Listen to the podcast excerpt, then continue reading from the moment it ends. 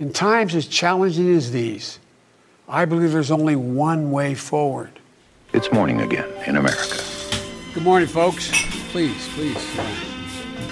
Come on, let's go. Let's go get some coffee. Thank you very much. Det er fredag 21. august. Det er 74 dager igjen til presidentvalget. Tre dager igjen til det republikanske landsmøtet, og morgenkaffen er servert.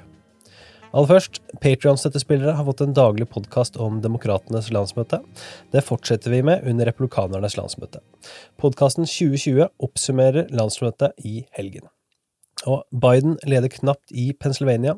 En Morning Call Muhlenberg College-måling gir den tidligere visepresidenten en ledelse på 49-45 over Trump. Trumps tidligere sjefstrateg Steve Bannon ble i går arrestert og siktet for bedrageri etter at midlene fra en GoFundMe-kampanje ble brukt til å dekke personlige utgifter.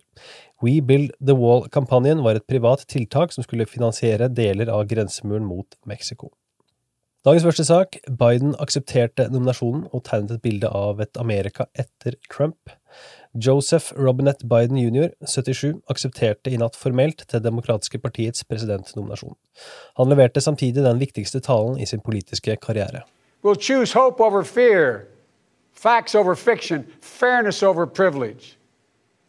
I'm a proud Democrat, and I'll be proud to carry the banner of our party into the general election. So it's with great honor and humility I accept this nomination for President of the United States of America. Den røde tråden i Bidens tale kan oppsummeres som en lovnad om at det er lys i enden av den mørke tunnelen Amerika befinner seg i, ispedd en passe dose personlige anekdoter, Obama-ros og Trump-kritikk. Biden snakket om et Amerika med muligheter for alle som en samlende visjon, med samhold og fremgang framfor smålighet og splittende politikk. For love is more powerful than hate, hope is more powerful than fear, and light is more powerful than dark. This is our moment, this is our mission.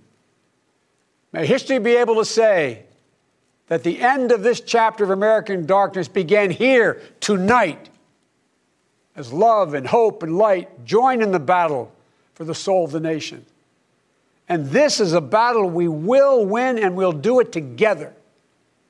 I promise you. Vi kommer tilbake med mer om den siste dagen på Demokratenes eh, landsmøte i 2020. Dagens andre sak, 2016 versus 2020, hva sier de nasjonale målingene? I et forsøk på å sette kampen mellom Trump og Biden i et perspektiv, så har Kyle Condick sammenlignet et utvalg nasjonale målinger fra før landsmøtene i 2016 og nå i 2020. Condick er sjefredaktør for Sabaros Crystal Ball ved University of Virginia's Center for Politics. Det er CNN, Marist Polls, Monmouth og Pew Research som står for målingene. Condic peker særlig på tre funn i sammenligningen av tallene. Du kan lese mer i nyhetsbrevet, men her er hovedpunktene. Punkt 1. begge partier står mer samlet denne gangen. Punkt 2. Biden har tilsynelatende fått flere uavhengige velgere med på laget enn det Clinton klarte i 2016. Og punkt 3. republikanerne og demokratene tiltrekker seg flere velgere samlet sett nå enn hva de gjorde i 2016. Det konkluderes med at målinger på ingen måte forteller hele sannheten om tingenes tilstand, og valget er fortsatt et godt stykke unna, og X-faktorer som oppmøte og koronasituasjonen kan spille inn. Dagens tredje og siste sak.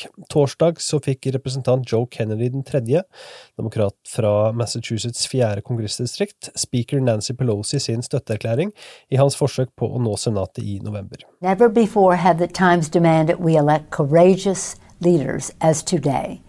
And that is why I'm proud to endorse Joe Kennedy for Senate. In 2018, when we took back the House, Joe campaigned across America to make that victory possible. He knows that to achieve progressive change, you must be on the front lines leading movements of people. Massachusetts and America need Joe Kennedy's courage and leadership in the Senate to fight for the change we need. Thank you. Sittende Massachusetts-senator og Kennedys motstander i primærvalget 1.9., Ed Markey, gratulerte Kennedy for støtteerklæringen. Kennedy og Markey har vært i opphetede debatter så langt, og ifølge Boston Globe er racet en jevn affære. Siste måling viser Markey på 44 og Kennedy på 42, godt innenfor målingens feilmargin på pluss-minus 4,2 poeng.